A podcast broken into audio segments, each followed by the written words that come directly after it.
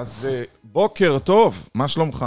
בוקר טוב, בוקר טוב, שלומי מצוין. אנחנו בפינה של. סקסספול של אה, ללמוד ממצליחנים,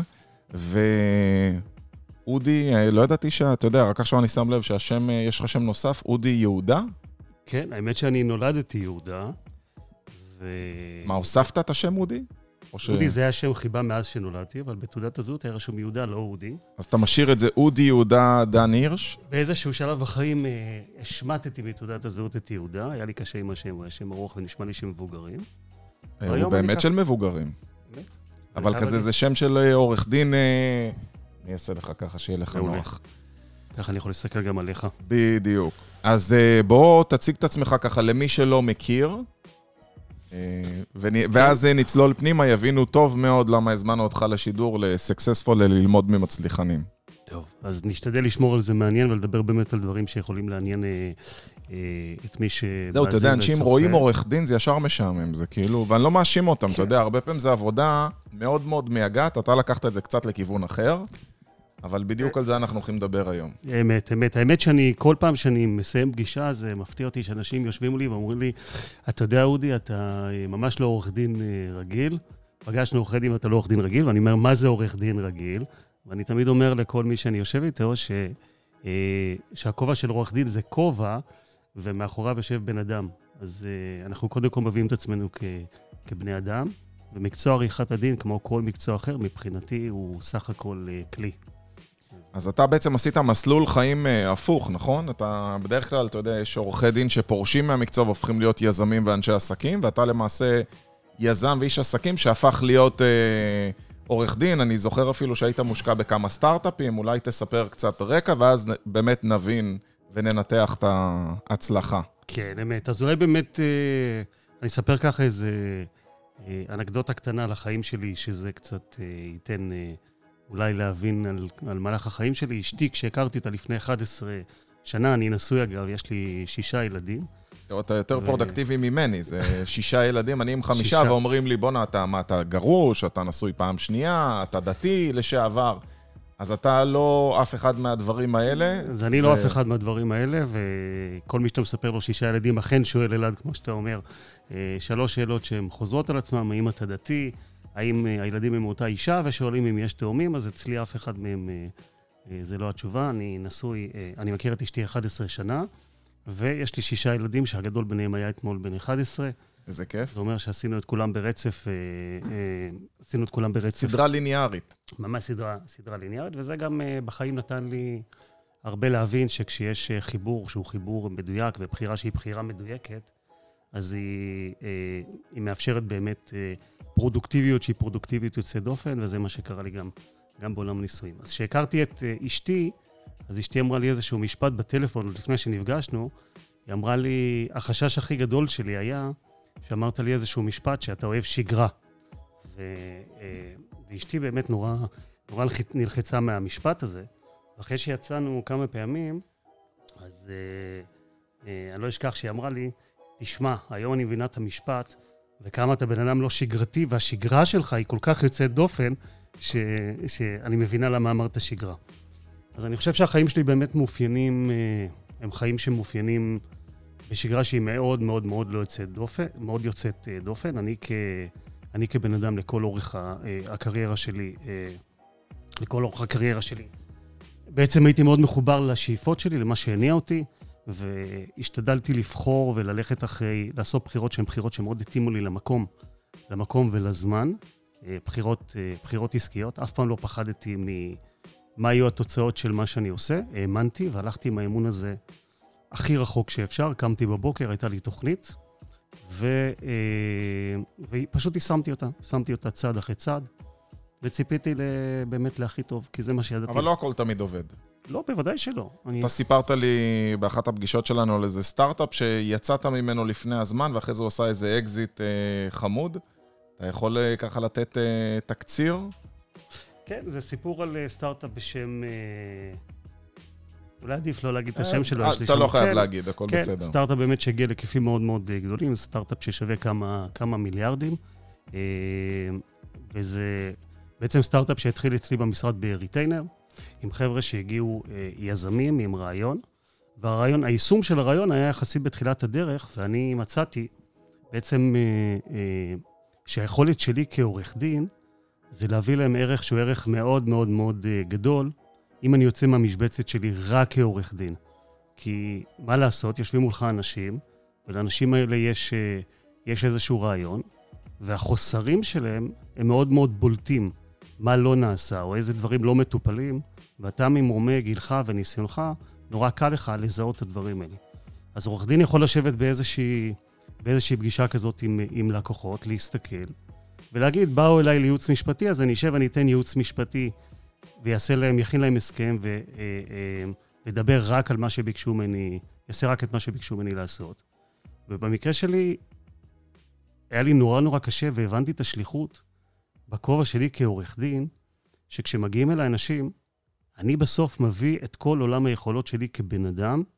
תן דוגמה למשהו שאתה עזרת שהוא לא חלק מהעבודה שלך כעורך דין. אז לדוגמה, עם אותם חבר'ה, אה, אותה חברה באמת שהגיעה להיקפים שהם אה, יוצאי דופן, אה, מהר מאוד הבנתי שאף אחד מהם הוא לא, לא עובד בסטארט-אפ הזה במשרה מלאה, אנשים הם לא fully committed. Mm. הבנתי שיש בעיה עם, ה, עם הקניין הרוחני, כי מי שנרשם ממציא של הטכנולוגיה כבר לא חלק מהסטארט-אפ. אני ישר הרמתי דגל אדום ואמרתי שצריך להחתים אותו על, על אסיימנט של IP, על סילוק, הם נורא נבהלו מזה. עשינו מהלך שהוא היה מהלך יצירתי. רק תסביר למי שלא מכיר את המונחים מה זה אומר. זה אומר שאם יש מישהו שהוא בעלים של רעיון, והוא הממציא שלו, אה, הוא יוכל לחזור בשלב יותר מאוחר ולהגיד שהרעיון הוא שלו, אבל איך אתה פתאום בא לשותף שאמר אני יוצא, ואתה אומר לו, אתה שומע, בוא תחתום לי פה שאני לא חייב לך כלום. הוא אומר, רגע, אבל מה, מה פתאום נזכרת? יש איזה משהו מעניין? אתה עכשיו הולך לעשות איזה אקזיט? כאילו, אתה קצת מעיר את המתים. אתה צודק, אלעד, אבל האלטרנטיבה של לא לעשות את זה, יכולה להיות באמת הרת גורל ו... איך מצדיקים דבר כזה, לבוא לשותף ישן, אומרים, אתה שומע, אני צריך שתחתום לי פה על איזה מסמך... אה, אז ברור שלא עושים את זה בצורה כזאת, יש כל מיני דרכים אה, לגשת ו... לא נוכל להיכנס, אני מניח, בשידור לכל, ה, אה, לכל החוכמה הזאת, שצריך לצקת אותה בצורה נכונה בכל, אה, בכל נסיבות, אבל אה, במקרה הספציפי הזה באמת מצאנו את מה הכי הפריע לאותו בחור ומה הוא היה צריך בחיים, והוא באמת היה צריך איזה סכום קטן של כסף. ושכנענו אותו, שלחתי את היזמים עצמם שדיברו איתו. שתמורת הסכום הזה הוא פשוט יחתום ונפרדו דרכנו. הוא פשוט יחתום, נתנו לו להבין שכרגע הסטארט-אפ לא יוצא לדרך, וזה שכנע אותו. עשינו את זה נכון. החוכמה זה להבין אה, בסוף מה הסיכונים ומה האלטרנטיבות, ולחפש את הדרך הכי טובה לעשות, ועובדה שזה הצליח. אז רגע, התחלנו לדבר על הרקע שלך. מה עשית לפני שהפכת להיות עורך דין במשרה מלאה? אז זהו, אני את הלימודים שלי בעצם סיימתי בשנת 97 בלונדון, את לימודי המשפטים שלי. רק ו... בשביל לעשות סדר בזמנים, בן כמה אתה? אני בן 49 חודש הבא. האמת שלא מרגיש. אה, גם לא נראה, זה בסדר. אתה, אתה אומר, וזה בסדר, זה בסדר גמור. אה, לא מרגיש, לא מרגיש. אני חושב שהיינו צעירים בני, בגיל 17 והסתכלנו על אה, אנשים בני 47, זה היה נראה לנו אנשים מבוגרים. אני חייב להגיד באמת שבגיל, שבגיל הזה, היום שאני, כשהגעתי לגיל הזה, זה... ממש מצחיק, אתה בעצם לא מרגיש איך אתה מתבגר ואתה נמצא בתוך... אה, אתה יודע מתי זה קורה לי, שאני מרגיש מתי אני מתבגר? כשאני פוגש פתאום חבר מבית ספר, ואתה מסתכל עליו איך קפצה עליו הזקנה, אתה אומר, וואו, בואנה, הוא נהיה ממש שמן, והוא נהיה קרח, ו... ואיך הוא נראה. ואז אתה אומר, שיט, בואנה, אולי גם אני נראה ככה בעיניו, ואתה יודע, פתאום אתה מסתכל, אתה אומר, איך הוא התבגר. אז כן, אנחנו לגבי עצמנו לא מרגישים, אבל זה הרגע של ההתעוררות שכשאני פוגש ככה חבר משכבר הימים. אמת, אני חושב שזה באמת מאוד מאוד אינדיבידואלי. אדם צריך להרגיש אה, טוב עם עצמו. אני סך הכל אה, לא נותן לחיים, אה, לא נותן לחיים לנהל אותי ולשבת לי על הכתפיים יותר מדי. לא לוקח אותם קשה מדי. אני משתדל לקחת את החיים, לקום בבוקר, ואני חושב שזה באמת בחירה של בן אדם, היכולת שלו להיות מאושר, להרגיש טוב עם עצמו, ואני באמת משתדל ליישם את זה. יש לנו כל כך אני, הרבה. אני עכשיו נזכר ששלפתי אותך מאמצע הסיפור עם הסטארט-אפ. רגע, שאתה היית שם, נכנסת בשלב מסוים באחוזים. נכון? כן, ובסוף... ש... אה, אמת. מה שעשיתי עבור החבר'ה האלה, אה, מעבר לכל הנושא של הקניין הרוחני, הבאתי להם באמת את הכסף הראשון, הכנסתי אנשים שבניתי להם advisory, שהוא היה advisory הכרחי ומאוד חזק, שעזר להעלות את ה value של הסטארט-אפ שלהם ועזר לנו בגיוסים. הכנסתי אנשים מטעמי שידעו להיכנס, להפשיל שרוולים ולדייק את התהליכים, לדייק את ה product, ועוד הרבה מאוד דברים ש... אז מה, קיבלת אקוויטי כאילו? קיבלת מניות בחברה תמורת זה? כן, כן. חלק מהמודלים שלי זה מודלים של מניות. שוב, לא, לא רק כעורך דין, אני יכול לשבת עם סטארט-אפ, לתת לו שירותים משפטיים, זה מודלים, אלה מודלים נפוצים, שעורך דין מקבל אה, כמה אחוז equity עבור השירותים המשפטיים שלו. אה, יש איזה trade off אה, אצל סטארט-אפיסטים שאין להם, שאין להם תקציב ומעדיפים לתגמל את עורך הדין שלהם באחוזים, אבל זה לא המודל שאני מדבר עליו, המודל שלי אה, בניתי בעצם ורטיקל שלם בתוך המשרד, שהוא ורטיקל עסקי, שיודע לקחת את הסטארט-אפים, כמובן רק אם הם רוצים את זה, רק אם הם אה, אה, בוחרים בהתקשרות הזאת, ולתת להם בעצם אה, שירותים משפטיים, אנחנו קוראים לזה אצלנו entrepreneurship as a service. אנחנו בעצם מביאים את היזמות כשירות. אנחנו לוקחים את אותו סטארט-אפ, מסתכלים על כל החוסרים שלו, ויודעים להשלים אותו כשאין לו תקציבים בניס, בידע וניסיון שהם באמת אה, מאוד מאוד מאוד גדולים. בדרך כלל סטארט-אפים לא יכולים להרשות לעצמם אה, אה, התקשרות. ולמה בחרת, אם אתה אומר ככה שאתה מאמין בזה, למה בחרת בסוף לצאת מאותו סטארט-אפ? אז האמת שזה לא הייתה ממש בחירה.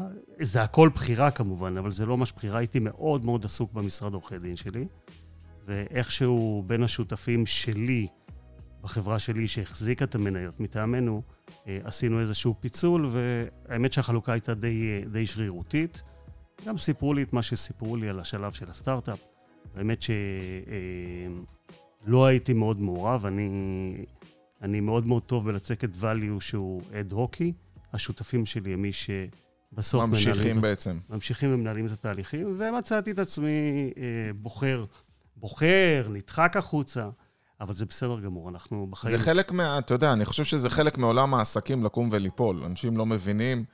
אה, זה לא שאתה קם כל בוקר ואומר, אוי, הפסדתי 200 מיליון שקל אם הייתי נשאר, אלא אתה אומר, אוקיי, למדתי את הלקח, המשכתי הלאה. כן, תשמע, חד משמעית, אנחנו לא יכולים לבחון את החיים שלנו במה היה יכול לקרות אם, כי אנחנו עושים בחירות בחיים, וזה הכל בסדר גמור. אני, באופן אישי, אף פעם לא הסתכלתי ובכיתי על חלב שנשפך.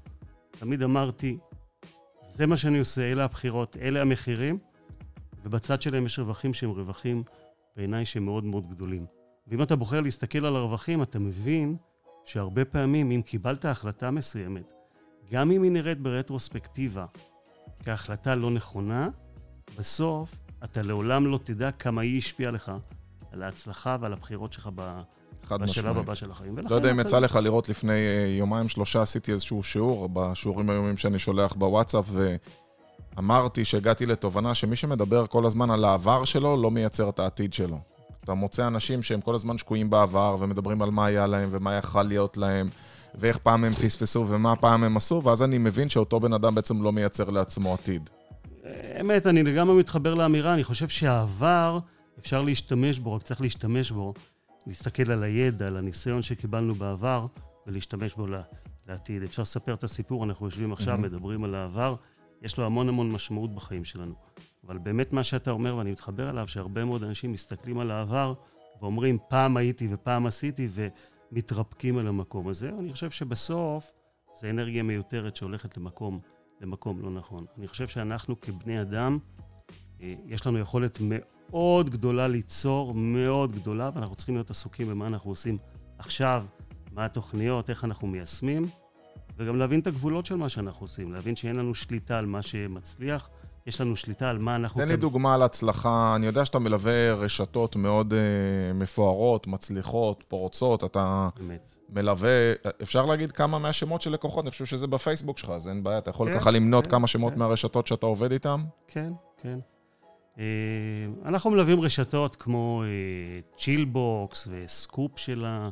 סקופ של, הנעל... של הנעליים? רשתות כמו סקופ של הנעליים, רשתות כמו מקס סטוק, שעשו את ההנפקה האחרונה שלהם, היינו איתם בשלבים משמעותיים בצמיחה שלהם, גם את בעלי המניות של, של הרשתות אנחנו מלווים הרבה פעמים בהשקעות הפרטיות שלהם, מעבר, ל, מעבר לטיפול של הרשת.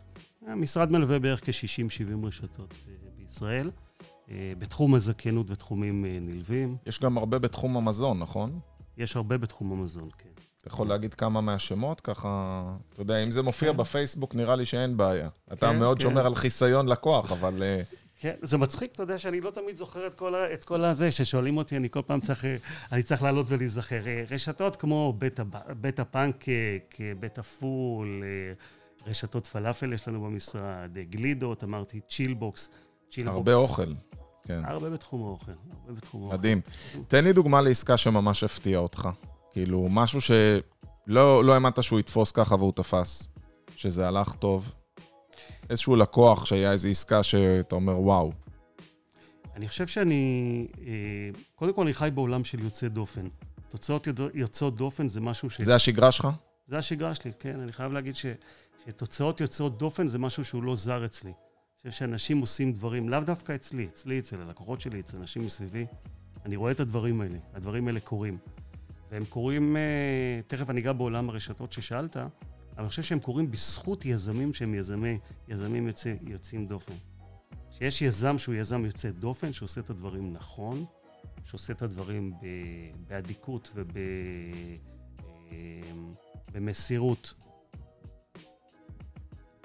ועובד לפי, לפי תוכנית, הוא בסוף, והוא מתמיד אגב. תוצאות יוצאות דופן זה חלק מ, מעולם, ה, אה, מעולם ה, הצפוי והמצופה. אז יש הדברים לי שאלה אליך, אתה יודע ש... אתה הצלחת בתחום עריכת הדין איפה שהרבה לא הצליחו. מה לדעתך יוצא דופן בך, שדווקא גרם לך להצליח יותר? תראה, אני בכל דבר שעשיתי בחיים, אלעד, אה, תמיד עשיתי אותו הכי טוב שאני יכול. כשאני אבל כולם מתאמצים, אתה יודע, זה לא, זה, אני לא אפתור אותך מהשאלה בתשובה כזאת. לא, כי כולם לך. יגידו, אני מתאמץ הכי הרבה, זה כמו מבצע סבתא, מתחילים הכי חזק, לאט לאט מגבירים. כולם, גם אם הם לא עושים את זה, בטוחים שהם עושים את זה. בכל אופן, נכון. יש דברים שאתה עושה שהם מוצלחים, ויש בטוח עורכי דין שמסתכלים על השידור, אומרים, למה הוא עובד עם הרשתות האלה, ואני עדיין, אה, לא יודע, מאמת חתימות תמורת אה, 200 שקלים, ולא מצליח להשיג לקוחות.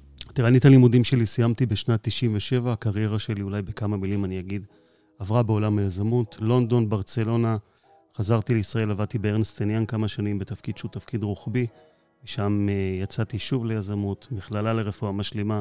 עשיתי הרבה מאוד דברים אה, בקריירה שלי. מהמם. כשאני פתחתי את משרד עורכי הדין, ה- ואולי באמת הנגיעה הזאת, הסיפור סביב זה הוא, הוא, אה, הוא יהיה מעניין. הבחירה שלי במקצוע עריכת הדין באה מתוך הבנה שיש לי ניסיון עסקי מאוד מאוד מאוד גדול. עשיתי המון דברים בחיים. המון דברים בהמון מדינות, והניסיון העסקי הזה של היכולת להקים, היכולת לגייס כסף, היכולת לפתח עסקים, אתה יודע, אין לסגור הרבה עסקים. עורכי דין שמגייסים כסף עבור לקוחות, ואתה חוזר על זה כבר כמה פעמים. אתה ממש עוסק נכון. בגיוס, יש לך איזשהם אה, פול כזה של משקיעים שאתה מעניין אותם. כן, אז אני כבר אגע בזה ברשותך, אני רק אספר שבאמת הבחירה ב, בלחזור לעריכת הדין בגיל יחסית מאוחר בקריירה, אני חושב שהייתי בן מה זה גיל מאוחר? שנת 2008, אני היום בן 49, אני 12 שנה. בעצם בגיל 37 חזרתי לתחום עריכת דין. אנשים לא עושים את הסיבוב הזה, בדרך כלל עורכי דין יוצאים החוצה לעסקים ולא נכון. להפך. אה, אני דווקא ראיתי את עולם היכולות העסקיות שלי כהיתרון הכי גדול שלי כעורך דין. ידעתי שאם אני אכנס לעולם עריכת הדין, אני מביא בשורה שהיא בשורה מאוד מאוד גדולה. אני מביא ידע וניסיון עסקי, שאותו בסוף אני נותן ללקוחות שלי.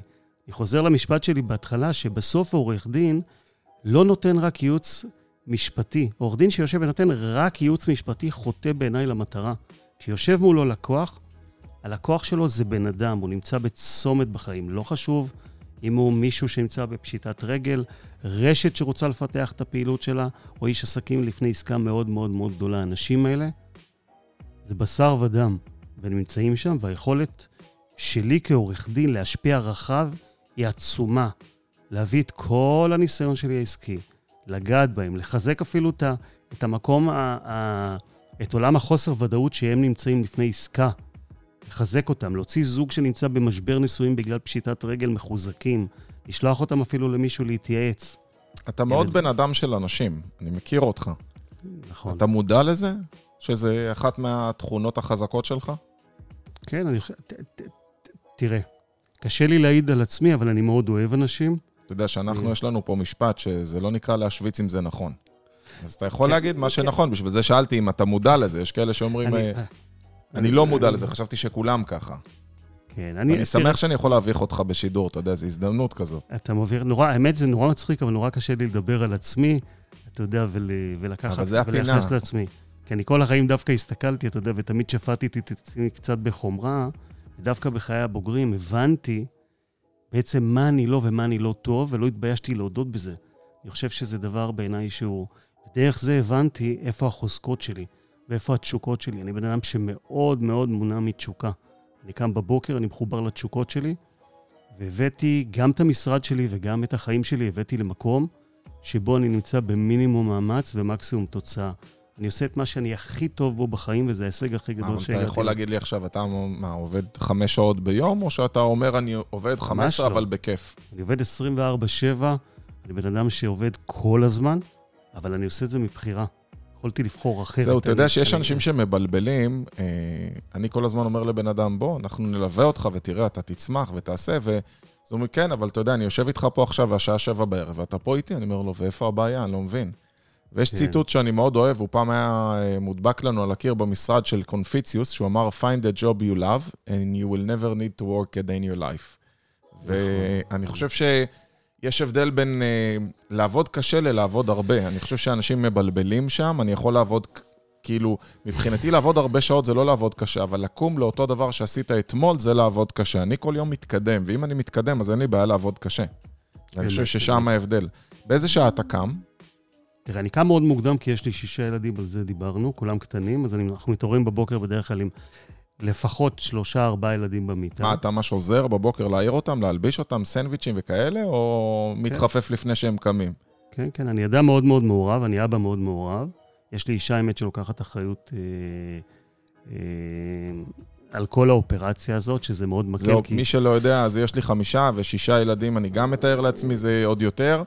זה, כן. זה עסק, זה לנהל עוד עסק. כן, מי, שלא, מי שיש לו ילדים מבין את זה, ואפשר רק לנסות ולתאר מה זה שישה ילדים, אבל יש לנו סדר, יש לנו כאוס מאוד גדול, אבל הוא מאוד הרמוני. והדבר הזה באמת מתאפשר בזכות אשתי, שהיא פשוט... אה, אז רגע, באיזה שעה אתה קם? אני בדרך כלל קם בסביבות חמש, חמש וחצי בבוקר, אני מתעורר, אני לא יוצא מהמיטה, אני יוצא מהמיטה סביב שש, שש וחצי. מה אתה עושה עד אז? עד אז מה אני עושה? כן. אני חושב בדרך כלל, באמת? אני מנסה קצת עוד להירדם, מחבק את הילדים במיטה. כן, יש לי את השעה בבוקר ככה של... ה- אני, אני לא יודע, אני מרגיש בזבוז זמן, אני כאילו ישר קופץ, אולי כי אין לי ילדים במיטה ואשתי נוחרת בשעות האלה, סליחה, נאית, את לא נוחרת, זה סתם היה בצחוק. אה, אבל אני יכול להגיד לך שאני, בום, כאילו איך ש...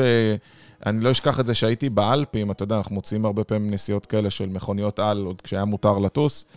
אני ו- מקשיב לך ואני אנסה לשתף. בכיף. והגיע איתי אה, ביחד, אה, מי שאז אה, עבד איתי הרבה מאוד שנים, אריה טוקר, לא יודע אם יצא לך להכיר אותו, ואריה באותו זמן, הוא ישן איתי ביחד באותו חדר, והוא אומר, תשמע, לא תיארתי לעצמי, איך שהשעון מצלצל, אתה פשוט קופץ, כאילו, לא ראיתי דבר כזה, כאילו, אתה בום, כבר במקלחת, צחצח שיניים, זה, ואנשים לא מבינים שאני, באמת, חמש דקות אני כבר למטה בהליכה מהרגע שהשעון צלצל, אחרי צחצוח שיניים, שטיפת פנים ולהתלבש. שמע, אני מעריץ את זה אצלך, ואני רק אגיד את הדבר הבא.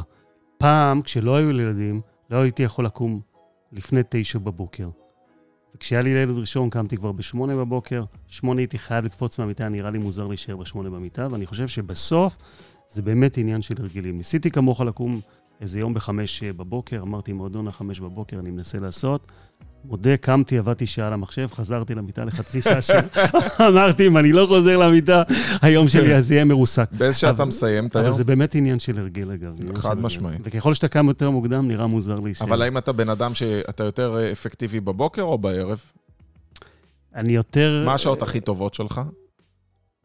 אני חושב שאני, איש של בוקר, למרות שאני נורא נורא אוהב את הלילה. היום קשה לי יותר לעשות uh, כתיבה בלילה ולשבת כי על אני, דברים נגיד, עמוקים. תפוס אותי ב-7-8 בערב, אתה יכול להוציא ממני מה שאתה רוצה. אני פשוט גמור בשעות האלה. כאילו, מה זה גמור? אני כבר לא אפקטיבי, אני, אני עובד כן. בסלד כזה גבוה כל היום, שכשאני מגיע ל-7-8 בערב, באמת שאני לא... זה לא השעות הטובות שלי. בא ללכת הביתה, לאכול, להיות עם הילדים, עם האישה, להתקלח, כאילו...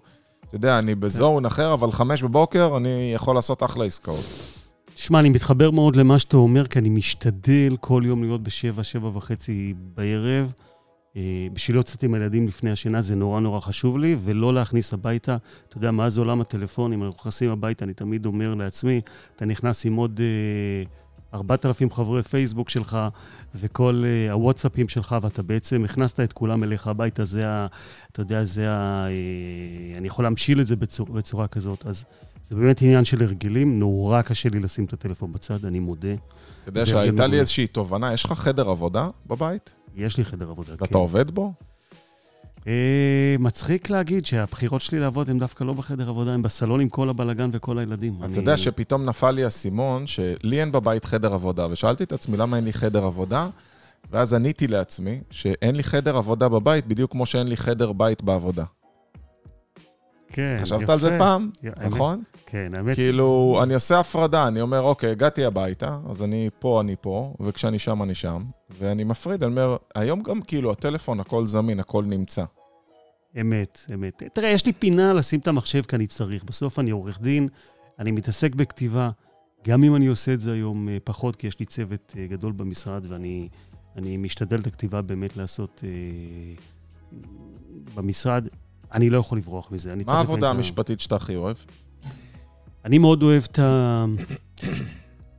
תראה, שוב, אני חוזר למה שאני חזק בו, אז אני מאוד מאוד אוהב את הייעוץ לאנשי עסקים, לבעלי מניות בח... בחברות. אני מאוד יותר אוהב... את הפן האסטרטגי של הפיתוח, ואז אתה ככה מעביר אחורה ו...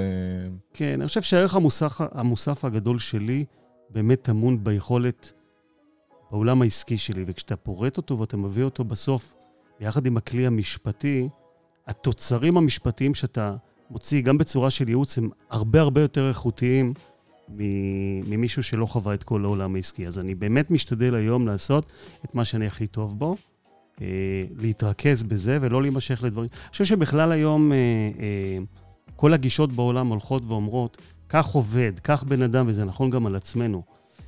תחזק לו את הדברים שהוא הכי טוב, תן לו לעשות רק את זה, הוא יעשה את זה הכי טוב בעולם, והתוצאות יהיו יוצאות דופן. הגישה פעם הייתה, בוא ניקח עובד, נעשה אותו multitask. נעשה אותו מולטיטקס, נחזק לו, נחזק לו את הדברים שהם פחות טובים. אני חושב שאותו דבר זה נורא חשוב על עצמנו, כל בן אדם צריך להבין במה הוא טוב ובמה מה לא. הוא טוב ומה הוא לא, וזה גם בעיניי המפתח לאושר. כי כשאנחנו עושים את מה שאנחנו אוהבים, הרי כל בחירה שתעשה בחיים, הכל נראה, כל החלום נראה ורוד. בשביל זה אנשים הולכים ויוזמים. ואז אתה מוצא את עצמך בתוך עסק, נשאב לדברים שאתה פחות אוהב. היכולת הזאת בסוף, בצורה מזוקקת, להגיע ולעשות את מה שאתה הכי טוב בו, בעיניי זה המפתח לאושר. אז אה, הייתי רוצה לשאול אותך כמה טיפים. דיברנו קודם על זה שאתה ממש אה, מאסטר ביחסי אנוש, ואתה מאוד מאוד טוב ב networking. יש פה אנשים כן. שמקשיבים, אומרים, אוקיי, אני לא כל כך טוב ב networking. מה היית ממליץ להם לעשות? אני עכשיו עורך דין צעיר, אני עורך דין מתחיל, אני רוצה ללכת ולהכיר, או אתה יודע, רואה כן. חשבון. יש מקצועות שמאוד קשה לפרסם אותם, בסדר? יותר מאחרים, זה לא. קוסמטיקאית או מוסך. איך, איך אתה פרצת את הדרך, או מה הטיפים שאתה יכול לתת להם, שהם כן יכולים לעשות ויעזרו להם אה, ככה להשיג את הלקוחות הראשונים שלהם? כן, תראה, כשאני פתחתי את המשרד, כשאני הקמתי את המשרד עורכי דין, לא, לא, עבד, לא עברתי במשרד גדול. אמרתי, הייתי בחיי הבוגרים, הייתי בן 37, ואני ידעתי שאני אדע לעשות שני דברים. אחד, אני אדע לבנות מרכז ידע, כי אני אביא עורכי דין שהם עורכי דין טובים, כי לי לא היה את הידע המשפטי. זה לא בושה, רק צריך לדעת איפה המגבלה ולהשלים את זה, לדעת מה אתה צריך להכניס בשביל להשלים את, את החסרונות שיש לך. אז הבאתי באמת עורכי דין במשכורת שהם היו עורכי דין טובים, ואני למדתי אפילו מהם. ו, אה, והדבר השני שהוא בעיניי לא פחות חשוב, ידעתי שיהיה לי נורא קל להביא לקוחות. כי... כי אני באמת טוב עם אנשים ואני מאוד מחובר לעולם המכירות. עכשיו, אם אני צריך אה, לתת אה, טיפ למישהו שמתחיל, ואני באמת פוגש הרבה מאוד עורכי דין מאוד מאוד מוכשרים, שאתה מסתכל ואתה אומר, אין להם עבודה, וזה פשוט לא, לא להאמין, אבל זה, זה גם לא מפתיע. כי, כי אם אתה לא משלב עבודה טובה ושיווק, בסוף בוודאי. אין כסף. כי אם אתה יושב. ואתה טוב, אתה סגור בתוך החדר, אף אחד לא יכול- יעזור. זה לא יעזור. אני מצאתי שבסופו של דבר, זה לא משנה באיזה תחום אתה נמצא, אנשים נותנים לך המון קרדיט על בסיס אישי. הם מוכנים לתת לך הזדמנות על זה שמרגישים איתך בנוח. אני, אני אעשה לך סדר, אתה יודע שקרדיט, הפירוש של זה זה לתת אמון במישהו, בוודאי. ובעצם זה מה שאנחנו עושים, אנחנו נותנים אמון במישהו, וגם אשראי זה קרדיט, אתה נותן אשראי מנגד לאמון שאתה נותן במישהו. נכון. גם בבנק וגם אשראי ספקים. תן לי דוגמה לאיך אה, אפשר, אה, אני עורך דין מתחיל, מה היית מציע לי? מה, ללכת למפגשי B&I, מפגשי נטוורקינג כאלה ואחרים, לדבר עם החברים הקרובים אליי, לייצר אה, מימונה אצלי בבית, מה... לעשות שישה ילדים? זה שישה גני ילדים, תחשוב על זה, זה אחלה נטוורקינג, אתה רק צריך להיות פעיל בכל הגנים. כן, כן, שישה ילדים לוקחים לך את הזמן. אז עורך דין, תראה, עורך דין צעיר שנמצא בתחילת הדרך, קודם כל הייתי ממליץ לעשות דברים שאתה מרגיש איתם בנוח. כי לקחת מישהו, להוציא אותו מאזור הנוחות למקום שהוא ממש לא נוח לו, זה, אני, בעיניי, בתור התחלה זה טעות. אתה צריך להתחיל לעשות דברים שאתה מרגיש איתם בנוח, גם אם זה לא בקומפורט זון. אז B&I בהחלט יכול להיות דוגמה טובה. בשביל להתחיל לעשות איזשהו... מי שלא מכיר, B&I זה מועדון נטוורקינג כזה, שנפגשים מאוד מוקדם בבוקר. אמת, אמת. אני באופן אישי לא... אה, אתה לא הולך לשם. אני, אני לא הולך, אני לא מרגיש צורך, אבל אני חושב שזה מקום נהדר קודם כל לעבוד בשיתוף, ולהרגיש איך הדבר הזה עובד, ולראות, ולראות את איכות ההפניות, ולראות שהדבר הזה עובד לי, ולהבין את הפוטנציאל שיש שם. אבל אני חושב שכל עורך דין חייב להיות עסוק בלפתח מערכות יחסים. והוא צריך להבין שגם אם הוא יורד במעלית, מי שעומד מולו זה לקוח פוטנציאלי. ואני אומר את האמירה הזאת היא לא סתם, חברים שלי צוחקים עליי, אומרים לי, אודי יכול להסתובב בבניין ולצאת מהבניין עם חמישה לקוחות. ו- וזה נכון, ואני כל פעם שאני יוצא מהמשרד, ואת זה אני ממליץ לכל עורך דין, כל מי שעומד מולי, אני מתעניין, גם בכמה דקות מעלית, אני או. מגיע לשיחה להבין מי הוא, מה הוא ומה הוא עושה. אז אני חושב שזה מה שאתה עושה שונה, ואני אעזור לך להבין, כי אמרת כן. את זה תוך כדי. אתה לא בן אדם של אנשים, אתה מתעניין באנשים. אתה רואה בכל בן אדם כפוטנציאל, זה לא מה שאתה עכשיו כל היום צד לקוחות, אבל באמת כל בן אדם הוא פוטנציאל, ולמה אני מזהה את זה בקלות? כי אני עושה אותו דבר. אני כן. מתייחס מאוד יפה למתדלק, כי הוא יכול להיות הלקוח שלי, או יכול להביא לי את אח שלו שיהיה לקוח שלי. אני, דרך אגב, עורך דין רון לבנטל, אם אתה מכיר. יושב איתי, אני מכיר את רון טוב. יפה, אז רון היה שכן שלי בבניין, ויום אחד עלינו ביחד במעלית, ואז הוא אומר לי, אתה בטוח לא עורך דין עם עניבה כזאת? מפה לשם התחלנו לדבר, החזקתי את המעלית עוד כמה שניות, נפגשנו, ורון עבד איתנו איזה שנתיים. מדהים. ועשיתי עסקים ככה עם לא מעט מהשכנים שלי, מהאנשים בגן ילדים. זאת אומרת, מה שאתם צריכים להבין ומה שאודי נתן לכם פה זה פנינה. כל בן אדם הוא פוטנציאל, וכל מה שאתם צריכים לעשות זה להתעניין באמת ובכנות במי שנמצא לפניכם. בוודאות, אם נמצא לפניך מישהו ואתה מתעניין בו בכנות, אתה תמצא איך אתה יכול לעזור לו. אגב, חד משמעית, אני חושב שאני מתחבר מאוד למה שאמרת. אני תמיד גיליתי עניין אמיתי באנשים. אנשים מאוד מאוד מעניינים אותי. אני באמת מתעכב ומתעניין לעומק בכל מי שעומד מולי. אני לא רואה את זה בכלל כבזבוז זמן, זה משהו שמניע אותי. ואגב, אינטרס זה לא דבר אה, רע, אנשים חושבים אינטרס, אינטרס, לכולנו יש אינטרסים. אני חושש אם למישהו אין אינטרס. אתה יודע ששמעתי משפט מאוד יפה, שהוא אומר שאם אתה לא משלם על משהו, אז כנראה שהמוצר זה אתה. יפה. תחשוב על פייסבוק או על גוגל, אתה לא משלם על פייסבוק כי אתה זה המוצר, מוכרים לך פרסומות. אותו דבר על גוגל. אז בכל מקום שמישהו לא רוצה ממני כסף, אני חושד הרבה יותר. אני מעדיף לשלם, כי כנראה הוא משתמש בי למשהו אחר. מעניין, מעניין. אז אה, מעניין, אבל... איזה ספר עורר בך השראה? איזה משהו שקראת, משהו שאתה יכול להגיד, בואנה, מומלץ, מצידי זה יכול להיות משהו מהתיכון, שאתה אומר, בואנה, עשה לי שינוי, מאז החלטתי. תראה, יש הרבה ספרים שאותי מאוד הניעו, אני לדוגמה מאוד מחובר לריצ'רד ברנסון. אני חושב שבהרבה מובנים הוא... אה, הוא בשבילי דמות להערצה, בן אדם שהקים, שהוא בכל מהותו איש שיווק ואיש של אנשים, שהגיע למה שהוא הגיע והקים מאות חברות אה, להצלחה, זה מעורר אה, השתאות בעיניי. אבל אם אני אדבר על ספר... אה... יש לו ביוגרפיה, דרך אגב. אני, אני רק עברתי לשמוע אודיובוקס, אז עוד לא שמעתי אותה, אני כרגע בביוגרפיה של אילון מאסק. אבל אה, אולי אחרי זה אני אעבור אליו. כן, מומל... האמת שמומלץ מומלץ מאוד מאוד נהניתי מהקריאה של, של ריצ'רד ברנסון, אבל אני, אני חושב שספר ש, שאני יכול להמליץ עליו ומאוד התחברתי, זה צעד קטן לשינוי גדול, אה, שהוא ספר שמדבר על שינוי הרגלים, וזה קצת מתחבר לכל הנושא של אה, טיפים לעורכי דין צעירים, לספר שמראה, ספר בעצם שמדבר על כל... על כל... אה, על, אה, על, על עולם שלם ששיקם את עצמו אחרי, אחרי אה, הירושימה, אחרי כל ה... ואיך מתחילים בעצם מאפס, איך עם שלם משתקם מאפס, ופשוט, זה נלמד באוניברסיטאות היום בארצות הברית, שהדרך לעשות את זה הייתה להרגיל אנשים, לבוא לתת להם, לפתוח להם, לתת להם אה, אה, מקום ולהגיד, הנה, בואו תמכרו כרגע את מרכולתכם. אין לכם שום דבר בחיים, אנשים נשארו בלי בתים, בלי, בלי משפחות, והתחילו לעשות פעולות מאוד מאוד קטנות, והדבר הזה בנה כלכלה שלמה בחזרה.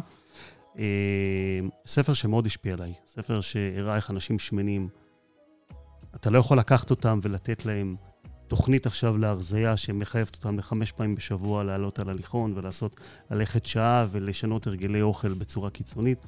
הם פשוט, אה, אה, בדרך הם, אה, אה, הם ייחשלו. הכל מתחיל בצעד קטן, מתחיל... וגם לפני השידור דיברנו על uh, התמדה ועל החשיבות שבלהתמיד כשאתה עושה קטן, משהו. אבל צעד קטן באמת, אני מדבר על דברים קטנים שהם בגדר אבסורד. כשאתה אומר לעשות אותם, זה אפילו לא מפריע לי. אני רוצה עכשיו לקבוע פגישה עם לקוח, אני אקבע פגישה אחת בשבוע, לא יותר, אבל תקבע פגישה אחת. תתחיל במשהו אחד קטן. ותהפוך אותו להרגל. כשאתה הופך אותו להרגל, קל לך לעבור לשלב הבא, זה נכון לכל דבר בחיים. וזה ספר פשוט שהתובנה שלו, יש לה אימפקט מאוד גדול למי שמאמץ את הדבר הזה ומבין שאפשר להגיע לכל הרגל אם אתה מבין את הדרך, ואז אתה יכול להגיע לאיזה תוצאות שאתה רוצה. אנחנו כבני אדם יכולים להשיג הכל בחיים.